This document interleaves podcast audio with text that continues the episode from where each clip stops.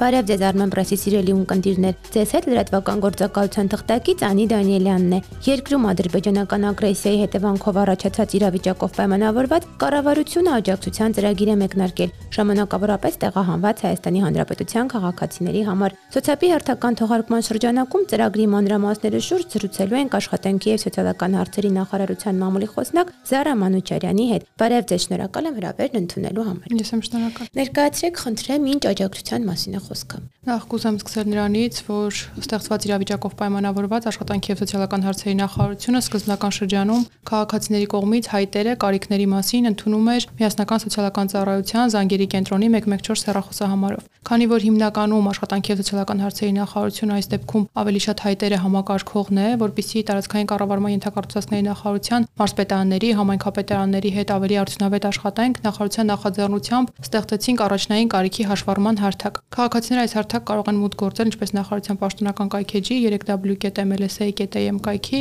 այնպես էլ միասնական սոցիալական ծառայության soцservice.am կայքի միջոցով։ Սա մի հարթակ է, որտեղ քաղաքացին մի քանի անձնական տվյալ լրացնելուց հետո հնարավորություն է ունենում արդեն անցնել կարիքների ներկայացմանը։ Քանի որ համակարգը ստեղծված է այնպես, որ ավտոմատ գեներացնում է դիմումը, հայտը, այնուհետև փոխանցվում է մարզպետարաններին եւ համայնքապետարաններին կարիքները բավարարելու համար։ Այ ովքեր են հիմնականում դիմում, որ շրջաններից բոլոր շրջաններից դուժած համայնքներից դիմում են, բայց կուզեմ օգտագործել առիթը եւ նշել, որ քանի որ հարթակը բաց է, դիմում են նաեւ ոչ շահառու համայնքներից քաղաքացիներ։ Պիտի խնդրեմ ուղղակի դա ժամանակի կորուստ է լինում եւ տեսակավորելու տեսանկյունից դիմումները, հայտերը եւ կարիքը բավարարելու տեսանկյունից, որովհետեւ բնականաբար առաջնահերթություն տրվելու է այն համայնքներին, ովքեր որ դուժել են եւ որտեղից որ քաղաքացիները ունեն անհրաժեշտություն։ Դրանով պայմանավորված երբեմն օրինակ թվերի տեսանկյունից, վիճակագրության տեսանկյունից այս բան հստակ չեն կարող նշել, քանի հայտ ենք ստացել, որովհետև ինչպես արդեն նշեցի, տարբեր քաղաքացիներ դիմում են, բայց պիտի ավելի թիրախային լինելու համար դիմեն այն համայնքներից, ովքեր որ տուժած քաղաքացիներ են։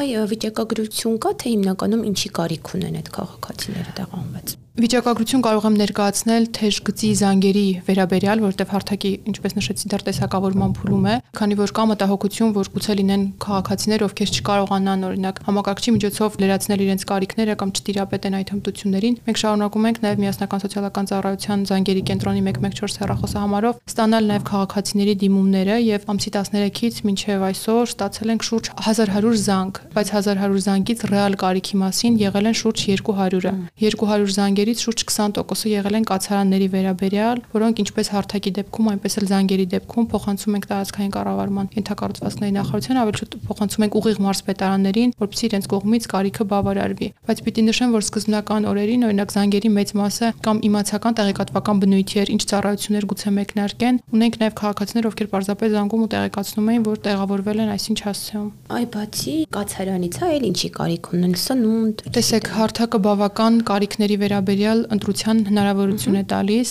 սնունդ, հագուստ, հիգիենայի պարագաներ, առաջնային անհրաժեշտության այլ պարագաներ, խնամքի ծառայություններ, աջակցող միջոցներ եւ այլն։ Այսինքն քաղաքացին իր կարիքները կարողանում է այդպես գույքագրել։ Պիտի նշեմ, որ կան ծառայություններ, որոնք ուղիղ մատուցումը իրականացվում է հենց աշխատանքի եւ սոցիալական հարցերի նախարարության կողմից։ Եթե քաղաքացին ունի անհրաժեշտություն օրինակ սննդի, հագուստի կացարանի, ինչպես արդեն նշեցի, դրա բավարարումը մարզպետարանների կողմից համայնքապետարանների միջոցով է իրականացվում։ Բայց եթե ծառայության կարիք ունի, օրինակ խնամքի ծառայություն ծառայության ունեցել են քաղաքացի, որ օրինակ ունեցել է տարեցների տուն տեղափոխվելու անհրաժեշտություն, այսինքն տարեցի խնամքի ծառայությունը բավարարողը բնականաբար մենք ենք, այդ ծառայությունները ներառված է, բացի դրանից կա օրինակ երեխաների, օրինակ լոգոպեդի ծառայության անհրաժեշտություն ունեն, իրենց համայնքում ստացել են, տեղափոխվել են այլ համայնք, ուզում են կոմունիկացվել, որտեղ կարող են դիմել։ Նման ծառայությունների մասին եւս կարող են հայտում նշել, դրա բավարարումը արդեն նախարարության կողմից իրականացվում է։ Այդ ծրագրի աջակցության հետ կապված որևէ սահմանափակումներ գործում են։ Նկատի ունեք կարիքի վերաբերյալ? Չի գործում սահմանափակում, բայց կա ցանկում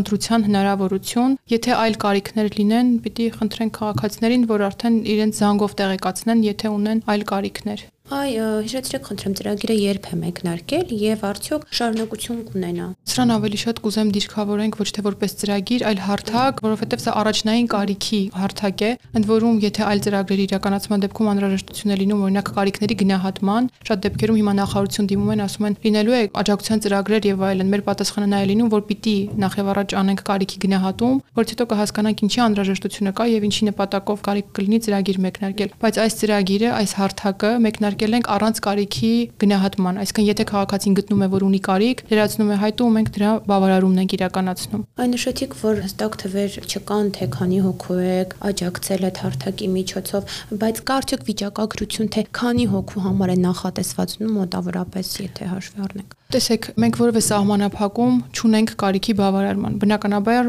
ոչ միայն մեր գերատեսչությունը, այլև մյուս գերատեսչությունները ասել են, որ կարիքը կբավարարեն այնքան, որքան կլինի դրա անհրաժեշտությունը։ Հույս ունենք կարճ ժամանակ հետո մեր հարթակը կլինի ոչ ակտուալ ու քաղաքացիները կտեղափոխվեն իրենց բնակավայրեր ու այս առաջնային կարիքի բավարարման խնդիրը չեն կունենա։ Ամեն դեպքում պետությունը ունի այս պահին ռեսուրսները եւ կօգտվեմ առիթից ու կասեմ, որ ռեսուրսների կոնտեքստում օրինակ սկզբնական օրերին շատ հայտարարություններ եղան ոչ միայն մեր գերատեսչության, այլև մյուս գերատեսչությունների կողմից, որ պետությունը ունի բավարար ռեսուրսներ կարիքներին օպերատիվ արձագանքելու, թիրախային արձագանքելու համար, բայց ունեինք շատ նախաձեռնություններ, մասնավոր նախաձեռնություններ, հասարակական կազմակերպություններ, ովքեր իմպուլսիվ սկսեցին իրականացնել կարիքների անհրաժեշտ պարագաների հավաքում եւ այլն։ Մեր կողմից թեպետ բարձր են գնահատում քաղաքացիների պատրաստակամությունը, որտեղ ցանկացած այդ իրավիճակում փորձում է ինչ-որ իր ներդրումը ունենա, բայց որpեսի չլինի օրինակ կարիքի ծածկում, եւս մեկ անգամ քաղաքացին ստանա օգնություն մյուսի փոխարեն, դրանից խուսափելու համար ռեսուրսները ոչ նպատակային ծախսելու համար ստեղծեցինք եւս մեկ հարթակ, բացի առաջնային կարիքի հաշվառման հարթակից, սոցիալական աջակցության ծառայությունների քարտեզագրման հարթակ։ Այս հարթակը արդեն նախատեսված է